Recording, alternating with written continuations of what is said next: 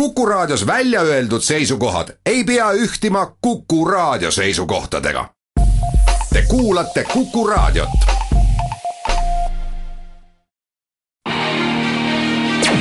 äripäev eetris. tere päevast, hea Kuku Raadio ja Äripäeva saate kuulaja, Äripäev eetris on taas eetris, täna on Kuku Raadios külas Äripäevast Andrus Kiisküla ja Rivo Sarapik ja lisaks on meil saatekülaline Anna-Kaisa Odermaa, kes on ametilt äh, psühholoog. Ja meil on täna kaks äh, suuremat teemat, äh, räägime sellest, mis on stress ja pinge ja ärevus ning kuidas sellega toime tulla ning miks peaks sellega näiteks töö kontekstis üldse rää-, sellest juttu tegema, ja teine teema on, räägime muutustest, mis toimuvad inimeste harjumuste ja tarbimisega ning kuidas või no mis järeldusi peaks endast tegema? äripäev eetris. aga alustame stressi ja ärevuse teemast, et ainest selleks annavad meile täna Brüsselis toimunud sündmused, et uudiste vahendusel raadiokuulaja ilmselt on juba kuulnud, et seal on toimunud plahvatused, seal on inimesed saanud viga, on ka hukkunuid ja ajakirjanikuna ma vaatan seda sündmust selle nurga alt, et kui sellised asjad toimuvad, siis ei ole väga meeldiv olla tööl lehetoimetuses või meediaettevõttes, sellepärast et meediaettevõtted on niisugused nagu tulipunktid, kuhu see info kõik kokku jookseb ja ja selle päeva jooksul väga niisuguseid positiivseid või helgeid uudiseid ei tule, ei tule. Ja see mõjutab neid inimesi ka, kes seal toimetuses, toimetustes tegelikult töötavad, et õhk on tavalisest ärevam, on oluliselt rohkem niisugust stressi ja pinget. Ja ma arvan, et nende uudiste mõjul see stress ja pinge tegelikult äh,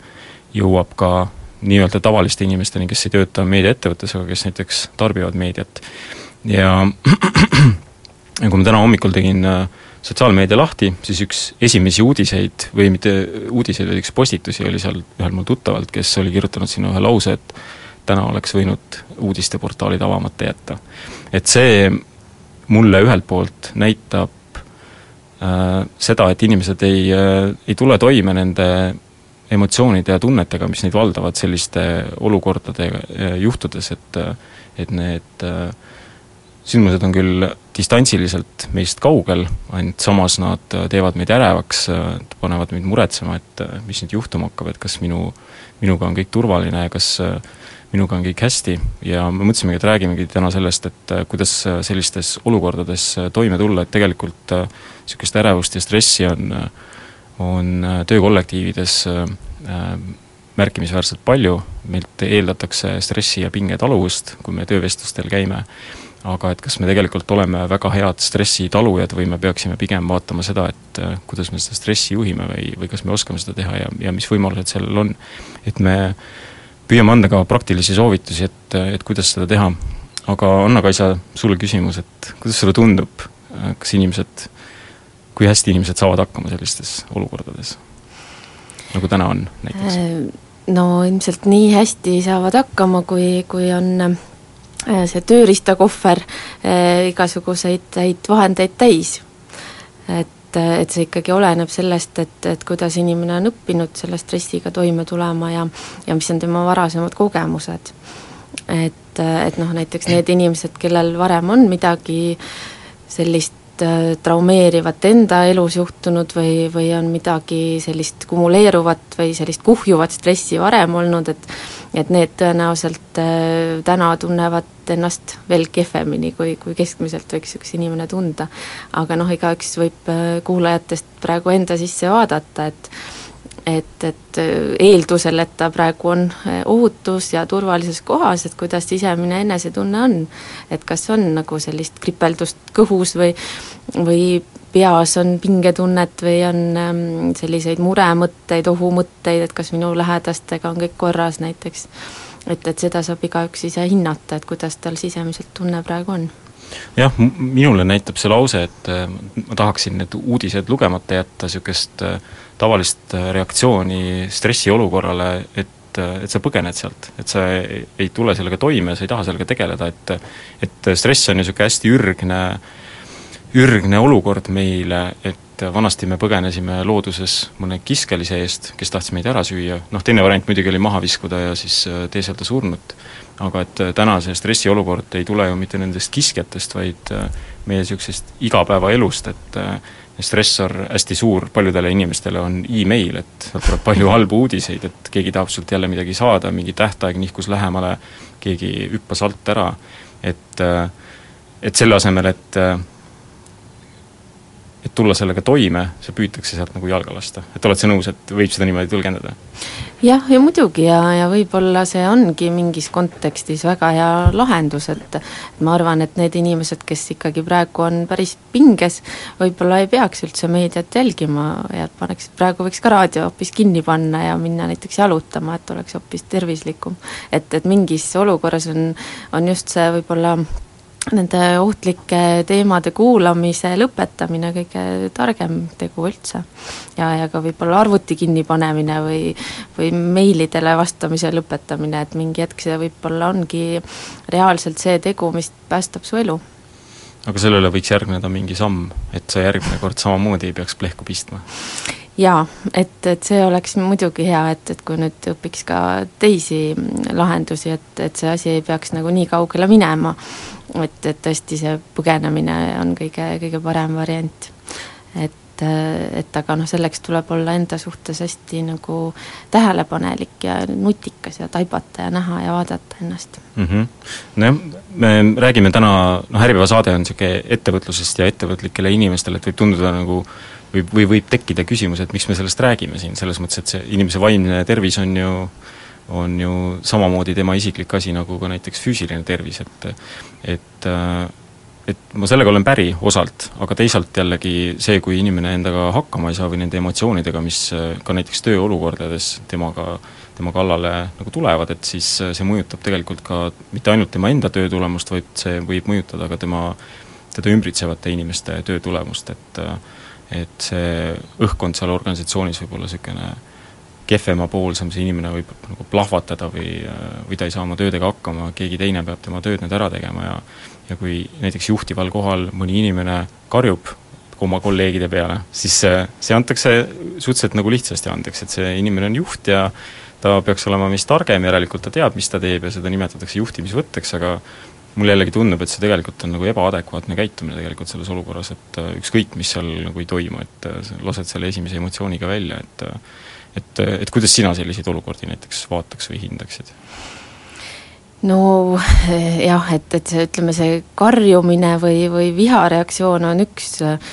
selline tüüpiline, mis võib stressiolukorras ju tulla.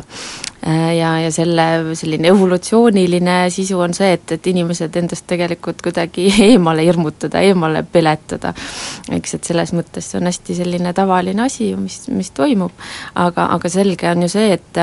et ega sa ju ei taha oma kolleege endast ju eemale peletada, vaid et selleks, et organisatsioon toimiks, sa pead ikkagi ju koostööd tegema, et et ehk siis see, sellised reaktsioonid ei, ei täida seda põhilist eesmärki mm. -hmm, just, aga meil on aega teha kiire paus ja jätkame pärast seda.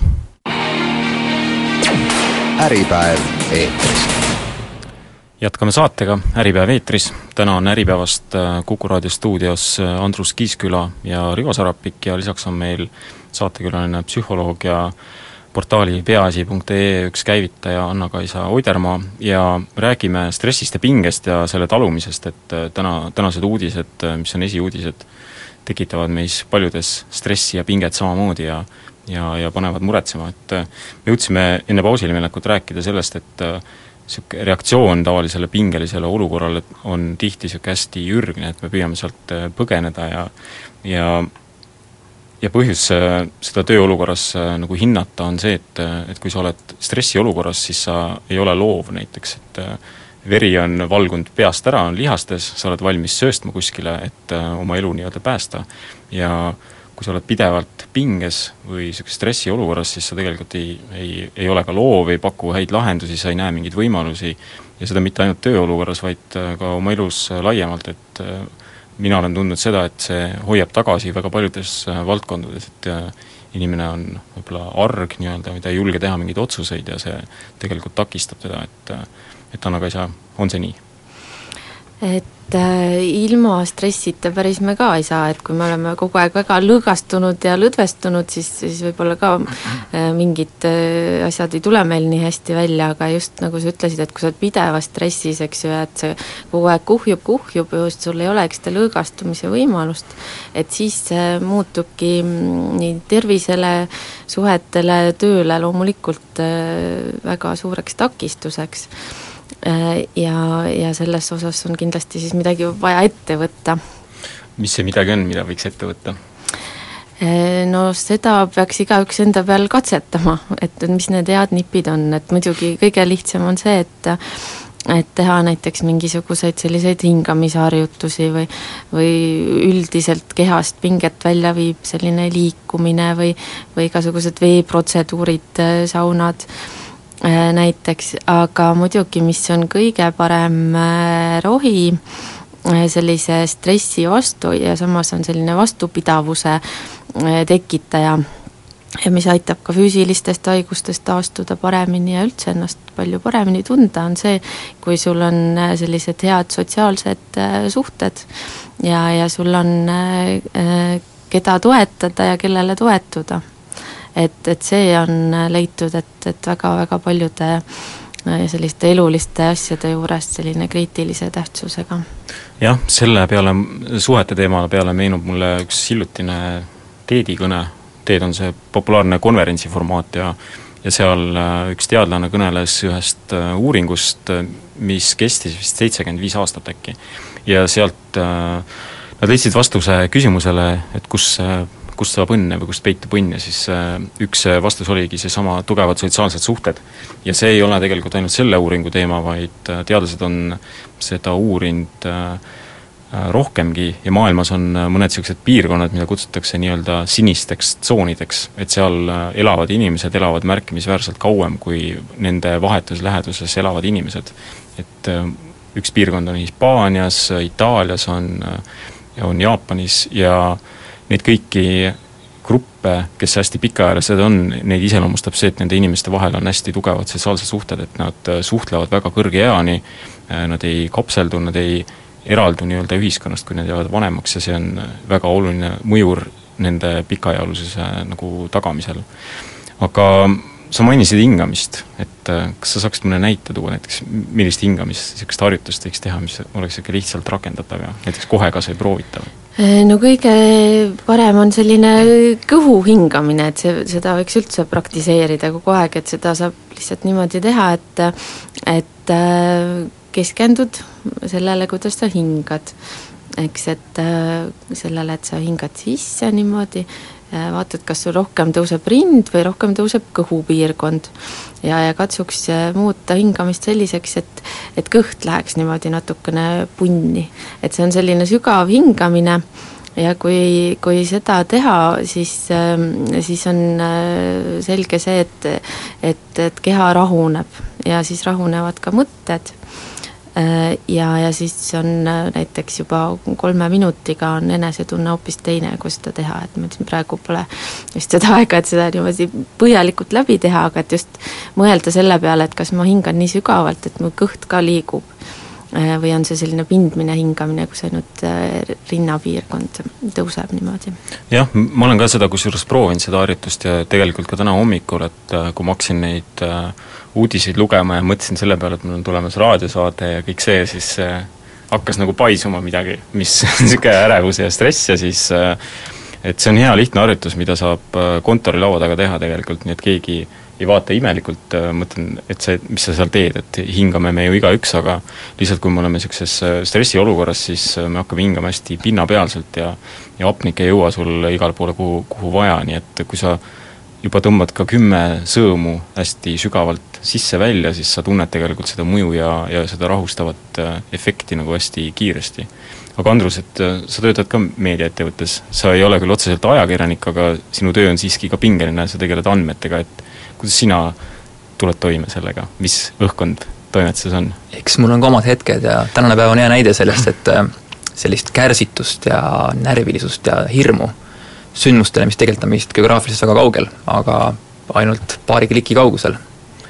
et mul meenubki eelmise nädala üks konverents, kus üks äh, Silicon Valley prohvet, tal ongi töönimi endal prohvet, ütles, et äh, meedia üleküllus on stressiallikana kuuendal kohal vist midagi sellist. ja mul käiski nagu siis mõte läbi, et noh, üks variant olekski aknad kinni panna rohkem, on ju, et sa loedki vähem mingeid asju, aga see ei ole ka lahendus. Samas... jah, jah, see selles mõttes elu läheb ikkagi edasi, et isegi kui ja. ma ei taha seda nagu puutuda, et et jah, nagu me oleme täna rääkinud, et need uudised jõuavad kiiresti kohale siia, ükskõik mis maailma nurgas nad jõuavad ja tihti need on tegelikult veel kaugemal kui, kui Brüsselis, et et mina olen seda lahendanud näiteks niimoodi, et ma väga valin neid kanaleid, mida ma jälgin näiteks ja ka millal ma jälgin, et kui ma saan aru sellest, et kui ma loen õhtul hetk enne magama minekut midagi niisugust väga ärevaks tegevat, et siis see ei ole väga hea mõte, sellepärast et su sa ei suuda võib-olla uinuda, sul keha hakkab jälle adrenaliini tootma ja siis sa ei ole sellises äh, staadiumis, et sa võiksid jääda rahulikult magama ja siis isegi kui sa jääd, siis võib-olla vähkrad ja oled hästi kehva uni ja, ja mõnikord ka magad kaheksa tundi täis, aga ikkagi sa ei puhka ennast korralikult välja. et äh, et hoolikalt nagu valida neid äh, kanaleid, mida tarbida, et kui see sul tööks ja eluks on vajalik, siis mulle tundub, on nagu igati mõistlik tegelikult neil ju pilk peal hoida, et võib-olla jätta vähe, välja need, mis on niisugused, mis ei anna mulle midagi või mis noh, tekitavadki minus niisuguseid tundeid, mida ma tegelikult tunda ei taha. jaa, täitsa õige, et täna ei olegi ju meil tööaeg ka ei ole nagu kaheksast viieni tegelikult, et tihti teedki arvuti õhtu veel lahti ja mul on ka, et piirata seda aega erinevate seadmete taga ja samamoodi, et mida ma loen, et ma olen väga paljud saidid oma feed ides ära unustanud, et mul ei ole vaja neid lihtsalt, nad tekitavadki mingit niisugust kärsitust ja info ülekillust, et et Anna-Kaisa, sa mainisid siin hingamist, et mul on kindlasti see, et olen ka sellest leidnud päris palju abi, et tunnedki, et kui maailm tahaks nagu õlgadele vajuda, siis võtad kaja maha ja hingad. ja teine tähtis asi on kindlasti uni. et magada korralikult, et kui sa hommikul ärkad ikkagi üles ja sul on niisugune ärevus sees ja tunned, et ei puudu unest, siis see loob nagu terveks päevaks mingisuguse meeleolu, mis ei ole kõige produktiivsem ja loovam. jah, uni ja puhkus üldse tegelikult on närvisüsteemile noh, A ja O, et sul ei ole võimalik puhata või närvisüsteemi ei ole võimalik puhata ilma rahu ja vaikuseta, et rääkisime mõni aeg tagasi äh, Gerd Kanteri treeneri Indrek Tustitiga, kes äh, tõi seda ka välja, et see on tegelikult üks riskifaktor näiteks spordis või tervisespordis, et väga paljud, mina kaasa arvatud, püüan end mõnikord maandada läbi spordi, aga et kui ma lähen seda sporti tegema väga niisuguse ärritunud olekuga, siis ma juba alguses tunnen näiteks, kui ma sörkima lähen, et et rinnas, rinnus nagu natuke pitsitab ja siis ei ole väga hea ja siis ma ei hinga väga sügavalt, kuigi ma tegelikult peaks ju, et äh, varustada keha hapnikuga ja see tegelikult mõjutab seda sooritust ja ja kui sa ei rahusta ennast maha enne seda trenni, siis sa paned ju oma organismi nagu topelt, äh, äh, topeltkoormuse alla ja siis see efekt, mis sa sealt loodad, siis tegelikult seda sealt tulemas ei ole. äripäev eetris jätkame saatega Äripäev eetris, täna on Kuku raadio stuudios Äripäevast Andrus Kiisküla ja Rivo Sarapik ja ja saatekülaline on meil psühholoog ja portaali peaasi.ee käivitaja, üks käivitaja Anna-Kaisa Oidermaa. Ja oleme rääkinud täna sellest, kuidas äh, stressiga ja pingega äh, nii eraelus kui tööelus äh, toime tulla ja, ja miks see on oluline, ja enne pausi jõudsime niisuguste mõningaste praktiliste soovitusteni, aga aga pausi ajal tuli meil üks mõte, et me peaks tegelikult ära mainima ühe niisuguse soovituse või ühe võtte, mida väga paljud kasutavad, aga mis, millest tegelikult kasu ei ole ja mis Eestis on väga levinud, on, on alkohol. et äh, üpris levinud on äh, kas pingelise tööpäeva lõpus või pingelise töönädala äh, lõpus ööklubisse minek, kus äh, nähakse sellest promillist nagu väljapääsu ja ja tihti tegelikult alkoholi kasutatakse ka äh, niisuguste sotsiaalsete olukordade nii-öelda libestina, et äh, palju mugavam on small talk'i rääkida, kui oled paar klaasi äh, sisse võtnud, et äh, jutt hakkab kohe lippama ja inimesed on ilusamad ja elu tundub ka nagu helgem, et mis teie mõtted alkoholi osas on stressi leevendajana? et see halvendab unekvaliteeti, et see on nagu see, mis, mis päris palju teeb kahju, et, et kui sa muud moodi ei saa uinuda kui, kui napsuga, et, et siis sa oledki sellises nõiaringis, et sa ei saagi välja puhata. et, et noh, ma ei tea, ma nagu muidugi oleks sellise mõõdukuse pooldaja kõiges üldiselt, aga et ütleks, et inimesel peaks ikkagi olema erinevaid vahendeid nagu käepärast, et ei oleks see, et sul on ainult see üks asi ja sa tead, et nagu, et sa kasutad seda, ehk siis mingisugune mõni õlu või vein, et, et, et tuleb ikkagi otsida selliseid äh, alternatiive, mis, mis oleks kuidagi ikkagi siis ka produktiivsed või töötaksid. Andrus? ma olen täitsa Anna-Kai nõus just see une, une poolt, et see ei pea üldse suur kogus olema, et tegelikult äh, ei ole palju vaja, et sa magaks halvasti ja sul see unesügavus kaob ära. ja jah, nagu sa, Rivo, ütled, et kui sa pead alkoholi jooma selleks, et sul oleks julgust midagi teha, siis on küsimus, et miks ma olen jõudnud olukorda, kus ma pean kasutama lisavahendeid, et ma ei tea, kas minna välja kuhugi või kellelegi tere öelda või et jah, ma tegelikult ei, ma isegi ei mõista tarvitajat hukka, et noh, ma olen ka ise sellises olukorras kunagi olnud, aga ma olen lihtsalt sellele hakanud nüüd mõtlema, et äh, miks, äh, miks see nii on, selles mõttes, et need olukorrad äh, on võimalik ju lahendada teistmoodi, ehk et õppida käituma äh, nendes olukordades, et kui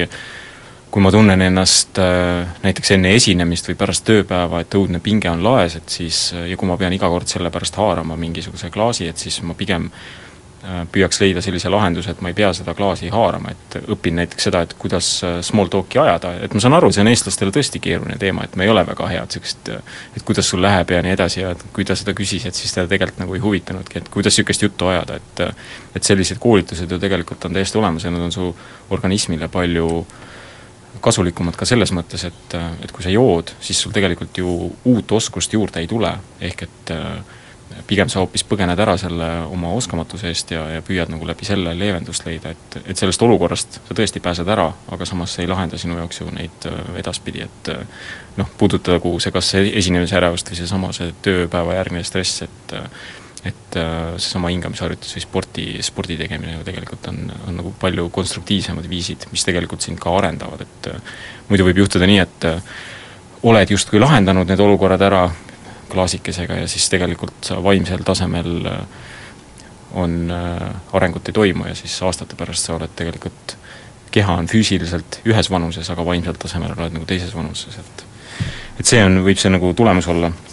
Aga et lõpetada seda teemat positiivse noodiga, siis äh, tooks ikkagi mõned niisugused praktilised nipid ja soovitused ka, et, et kuidas siis igapäevast elu selliseks rahulikumaks muuta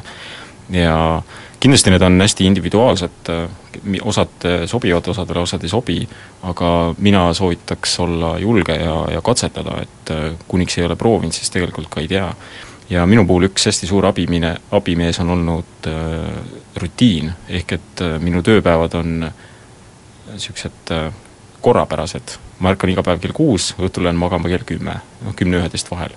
Ja tihti ma ärkan tegelikult juba enne äratuskella hommikul, sest äh, organism on harjunud selle rütmiga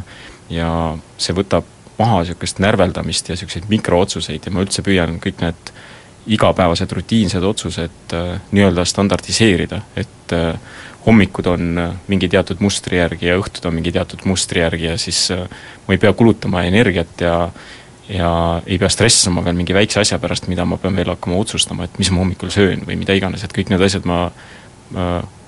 olen teinud nii, et igal päeval on sarnased ja siis, kui seal on mingeid variatsioone või kui on vaja reageerida või näiteks mul tuleb mingi, ma ei tea äh,, väljasõit või ma ei ole kodus, et siis ma püüan sellega kohaneda, aga üldiselt sellest on olnud väga palju abi. Aga Andrus, mis sina veel tooks välja? ma lisaks juurde võib-olla, minu jaoks on meditatsioon kindlasti olnud selline väga suur, suur muutus ja väga tähtis tööriist. et võib-olla kunagi tundus ta selline voodoo teema natukene, aga aga täna mul ei ole praktiliselt õhtut või siis ka hommikut, kus ma ei võtaks oma seda niisugust kolmkümmend minutit aega ja vaikuse mina ja ja see mis sa teed siis? ma arvan, et suurel osal raadiokuulajatest on sõna mediteerimine niisugune Äh, sõna, mille tähendust võib-olla ei teata või seostatakse seda asjadega mis see tegelikult ei ole? no seal on palju erinevaid suundasid tegelikult meditatsioonil, et see võibki olla kontsentreeritud, võib see olla jälgimine või mantrad, et mina olen leidnud sellise niisuguse kesktee, et ma olen niisugune asi nagu vipassana. et sa jälgidki oma hingamist, et äh, Anna-Kaisa mainis ennem sedasama kõhu hingamist, et sa hingadki, sa tunned, kuidas sul see, sul kopsud täituvad, sul kõht täitub, et see tundub hästi niisugune totter alguses, kui sa seda tegema hakkad ja saad aru, et sa oledki siin kohapeal ja need päevasündmused ja mis homme tuleb, et see on, see maha jäänud. ja sa paned pea padjale ja sa naeratad, siis on nagu hästi kõik läinud. jah, ja tegelikult see harjutus, ma arvan, sobib teha ka hommikul, et äh, ma olen avastanud seda, et äh, et see, kuidas sa midagi käivitad või kuidas sa midagi alustad, et siis see tihti määrab selle, kuidas see asi lõpuks välja kukub, et kui ma alustan päeva sellega, et äratuskella peale ärkan üles ja olen kohe ärev, siis äh, iga mu järgmine otsus tuleb niisuguselt ärevalt pinnaselt, mis tähendab seda, et see iga järgmine otsus ei pruugi olla väga kas mõistlik või kasulik või ka tervislik, et näiteks nähvad kellelegi, lähed kellegagi tülli, siis äh, ei, ei tule mingisugune asi välja ja siis tegelikult see suunab kogu su päeva niimoodi nagu kuskile kraavi ja üldse sinna suunda, kuhu sa tegelikult ei mõelnud sellega suunduda. et äh, kui on võimalik hommikuti võtta mingisugune aeg ja kas või samamoodi hingata mingi aeg sügavalt ja alustada päeva niimoodi rahulikult, siis ma olen avastanud küll seda, et see annab niisuguse õige nagu tonaalsuse päevale, et see ei ole et ma suudan rahulikult teha otsused, et kui ma olen põgenemissituatsioonis või niisugune stressis või ärevas, siis nagu me enne ütlesime, et siis veri ei ole ajus, veri on lihastes ja siis tegelikult seal need lahendused ei ole päris sellised, mis nad, mis nad võiksid äh, olla. jah, see on väga õige, et see loobki nagu terveks päevaks sul selle meeleolu. isegi kui päeva peale tuleb selline ärevus ja stress peale, siis on see, väga mõnus on selle tunde juurde tagasi minna, sest see on sul vahetu tunne hommikul olnud ja sa saadki uuesti leida rahulikuma meele üles ja edasi minna jah, aga et sellele teemale punkt panna, et siis äh, tihti otsitakse niisugust töö ja eraelu tasakaalu, et mis teie sellest otsingust arvate, et kas see on üldse võimalik või, või kuidas see oleks võimalik? Et töö iseloom ju tegelikult on muutunud ja muutumas järjest edasi, et meil ei ole niisugust graafikust graafikuni, et ei saa öelda, et ma kell üheksa alustan ja kell viis lõpetan ja siis jääbki töö nagu pooleli, et tihti me töötame õhtul ja, ja nädalavahetustel samamoodi, et et jah, seda küll, et äh, ma ei, kindlasti ei ma ei ole võib-olla enda jaoks päris lahti seda mõtestanud, pigem ongi võib-olla limiteerida sama aega nende töiste vahenditega, mis iganes see ei ole, arvuti, telefon. et see on täiesti okei okay, pühapäeval arvuti lahti teha minu jaoks. aga see ei ole nii okei okay,, et kui ma lähen koju õhtul ja olen pika päeva arvuti tagant, et ma uuesti lahti teen, et siis on mingi muu aeg, ma lähen kas jooksma või või mängin kitarri või loen raamatuid, et leida selline balanss tegevuste vahel. annab isa jah, et, et kui on ju teada see, et, et tegelikult noh, meil kõigil, ma arvan, on see kalduvus natukene, et, et kui on palju stressi, siis me jätame need asjad enda elust ära, mis tegelikult saaksid meid selle stressi vastu aidata. ehk siis näiteks liikumise või sõpradega olemise või või perega olemise, et, et kuidagi teadlikult äh, plaani pidada ja pidevalt nagu jälgida, et kuidas see enesetunne mul praeguse hetkeseisuga on ja, ja mitte lükata siis neid näiteks perega koos tegemisi kuskile suvesse ja puhkusesse, vaid vaid katsuda kas või tõesti igas päevas leida mingisugune aeg, kus ma, kus ma siis täiesti pühendangi ennast äh, sellele, mis mulle teeb ka head samamoodi, et jah, oluline on võtta see tasakaal iseendas, mitte oodata seda kuskilt äh, graafikust. aga meil on aeg äh, taas teha kiire paus ja jätkame pärast seda Äripäev eetris. jätkame saatega, Äripäev eetris, Kuku raadio stuudios on nüüd äh, Äripäevast Andrus Kiisküla ja Rivo Sarapik ja ja lõpetame saate täna trendidest rääkides ja räägime sellest, kuidas äh, tarbijate ja klientide käitumine on muutunud ja muutumas ja, ja mis äh, nägemused selles osas veel paistavad, et et osalt on põhjust sellest rääkida möödunud nädalal toimunud Äripäeva ja Best Marketingi bestmarketing.ee korraldatud äh, aasta suurim turundussündmus Password, mis äh, toob kokku ma arvan, suurima kontsentratsiooni Eesti turunduse helgemaid päid, nad kogunesid möödunud nädalal Saku Suurhallis ja kahel päeva jooksul seal räägiti erinevatest nähtustest, äh, toodetest, suundumustest ja trendidest, mis mõjutavad seda, kuidas inimesed üht või teist tarbivad, kuidas nad suhtuvad reklaamidesse. Ja nad annavad tegelikult ainest äh, nii ettevõtjatele kui ka neile, kellel on äh, peas mõte, et tahaks teha midagi uut või tahaks teha midagi sellist, mida teised tahaksid äh, kasutada. et Andrus, sa olid ka mõlemad päevad seal kohal, mis sa, mis sulle kõige nagu kõlavam, rohkem kõlama jäi sealt? jah, see tore, tore sündmus oli, et soovitan kõigil kindlasti minna järgmine aasta. ja mul oli, teemasid oli palju, alates nii-öelda iseenda häkkimisest paremaks inimeseks läbi harjumuste, erinevate tööriistadeni, digitaalselt kui mitte, kuni siis turunduseni välja, et märksõna oli see aasta loovus ja selle ümber siis rääkisidki erinevad oma ala spetsialistid, alates erinevatest elektroonilistest seadmetest, mida kasutada, kuidas olla loovam, kuni siis meditatsiooni välja või siis hommikuse külma dušini või harjumuste muutmiseni ja ja mida tehnoloogia meiega teeb, et mulle väga ei meeldi üks väga värvikas tegelane, David Shinge, kes näeb välja nagu rokkstaar ja ta ongi siis, tema töönimetus on, töönimi on prohvet, kes räägib siis, kuhu digimaailm liigub. Ja tema ütles hästi, et tehnoloogia muudab meie käitumist, mitte vajadusi, ehk meie vajadused tegelikult on endiselt samad, see Maslow püramiid peab täiesti paika, aga see, kuidas me käitume, et see on hästi kiires muutumises. Ja see ongi nagu turundajatele siis suur väljakutse, kuidas loovalt läheneda erinevatele lugudele, et inimesed tarbiks, teeks midagi. Mm. -hmm mulle, sa mainisid seda häkkimise teemat, seda rääkis seal Teemu Arinan, kes on äh, Soome ma ei mäleta, kas ta, ta on ettevõtja kindlasti, aga ta on ka niisugune inim, äh, kuidas ma ütlen, katse, katselabor nii-öelda. et äh, tuli lavale, tal oli seljas särk, kus sees on igasugused erinevad andurid, tal keha küljes olid erinevad andurid. ja tema põhimõtteliselt mõõdab kõike oma elus, mis toimub tema keha Äh, kehaga seonduvalt, alates pulsist ja lõpetades selleni, mis on tema veresuhkru tase, kui palju ja mis kvaliteediga ta öösel magab, ja selle mõte on temal tegelikult hästi lihtne, et ta tahab äh, panna ennast väga või kõige efektiivsemalt äh, tööle ja ta näiteks rääkis seda, et ta on teinud selle DNA testi ja sealt tuli välja seda, et tema suguvõsas on soodumus näiteks suhkruhaigusele. ja see pani teda jälgima seda, milline on tema veresuhkru tase põhimõtteliselt, et see ei soodustaks äh, moel või teisel diabeedi teket. et, äh, et tema sõnum oli tegelikult see, et et andmeid ja statistikat võib koguda, aga neid peaks tegelikult äh, oluliselt ka kasutama. ja see kõnetas mind selles mõttes, et ma teen sporti ja tegelikult väga paljud eestlased teevad sporti kasvavas joones ja väga paljud tegelikult kogune-, koguvad ka erinevaid andmeid. näiteks oma pulsikellaga või nutitelefoniga, mis on täna tegelikult spordikella asendaja. ja mina tegelikult spordikellast mingil hetkel loobusin, sellepärast et äh, ma ei kasuta neid andmeid mitte mingil moel. ja, ja tema, ühelt poolt tema ettekanne mind äh, pani natukene nagu pead vangutama, et äh, ta mainis sõna häkkimine, et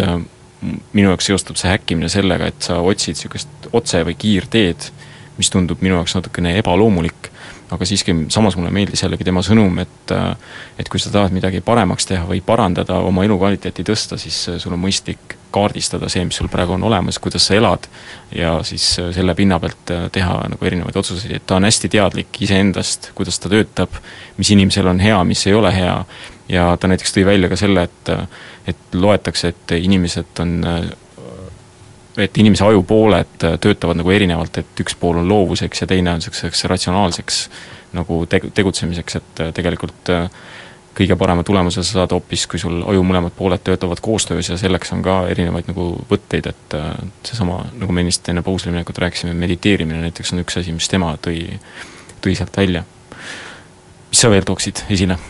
jah, mulle Teemu väga meeldis, et äh, võib-olla mis mulle meelde tema jutust veel lisaks nendele lisavahenditele jäi, oli see, et äh, ta mainis istumist. ma ei mäleta, kas ta ütles, et see on, ongi nagu tänapäeva uus vähk. ja mul täitsa samastusin selle mõttega, kuna ise on seda istumist päris palju. ja oli ka hea meeldetuletus, et peaks rohkem ennast liigutama ka tööl olles, et ei kasuta Skype'i, vaid sa jalutad kolleegi juurde ja teed pause tihedamini. kusjuures tema äh, kasutab tehnoloogiat äh, ka nende kohtade peal, mis me kipume ära unustama, et näiteks seesama, see istumise teema, et et tal on äh, mingi andur, mis jälgib tema rühti ja siis, kui sa vajud nagu lössi, siis see andur annab sulle mingisuguse vibratsiooniga märku, kuule, et see on nagu vanasti oli, ema ütles sulle, kuule istu sirge seljaga, et siis et tema jaoks teeb see rakendus nagu selle töö ära. mis on ühtpidi jällegi natukene minu jaoks veider, et ma peaks tegelikult suutma seda ise nagu meeles pidama ja ise nagu tähele panema, aga samas jällegi see näitab, et kuidas sa oskad tehnoloogiat panna enda kasuks äh, tööle. Et see nagu on selle positiivne pool. see oli hea näide, see kõnetas kaks kolleegi, see küsis, kus seda seadet saaks, et panna tal pluusi külge see, et sirgema sellega istuda. jah, ja lisaks tegelikult rühile ju on selle püstiseismisega ka see, et äh, kontoritoolid on äh, või noh, me oleme harjunud sellega, et me kontoris istume, laud on madalal, et äh, tema näiteks büroos on sellised toolid, kus sa mis ei ole istutavad, vaid nad on nagu baaripukid ja see loogika on see, et see võtab ära teatud surve sinu äh, Äh, istmikul teatud närvidelt näiteks, et kui sa päevad otsa istud, siis see mõjutab sinu äh, keha funktsioneerimist ja ja ta kasutab selliseid toole oma kontoris jällegi selleks, et sa ei teeks endale kahju, vaid vastupidi, et sa oleksid maksimaalselt võimekas oma töödes. vot, aga üks, äh, üks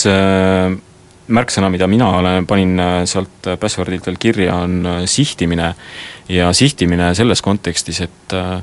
erinevad tehnoloogilised võimalused ja ka tarbijate käitumine muu-, käitumise muutmine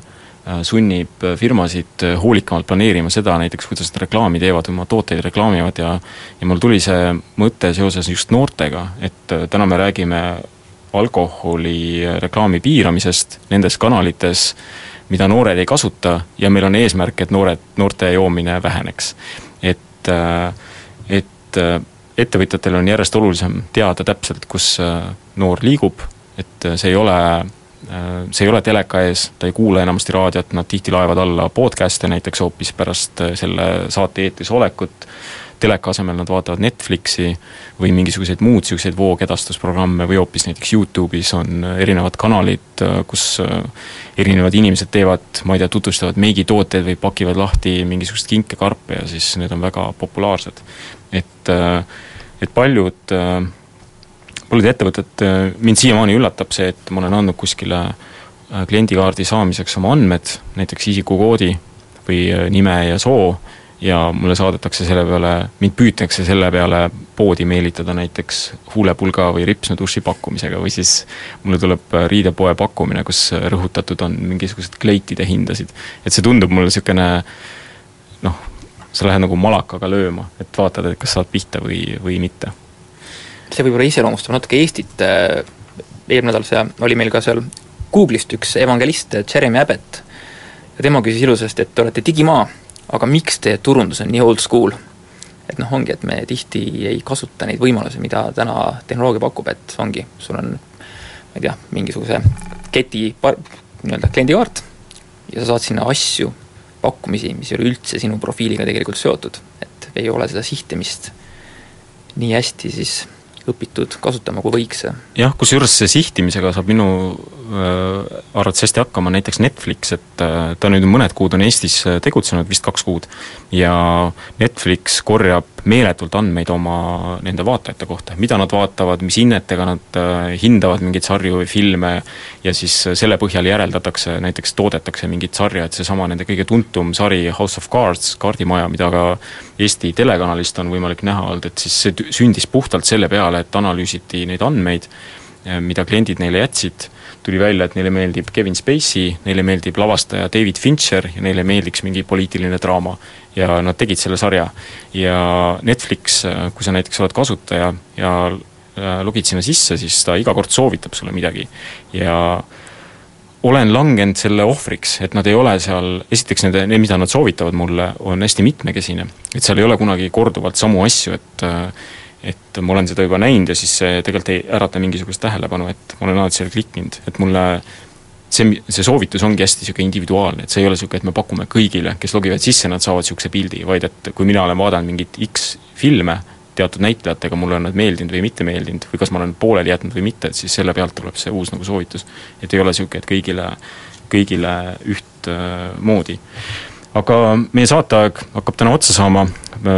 turunduskonverentsilt Password me tegelikult tegime ühe mahuka väljaande, see on kättesaadaval Äripäeva veebis, bestmarketing.ee viitab ka konverentsil räägitust, räägitule, et see kaks päeva oli oluliselt mahukam kui see kümmekond minutit, mis meil siin täna rääkida õnnestus, et ma soovitan pilgu peale visata, et seal on väga palju huvitavat äh, ja, ja kasulikku. aga tänase saate teemad on otsas, kuulmiseni uuel nädalal Äripäev eetris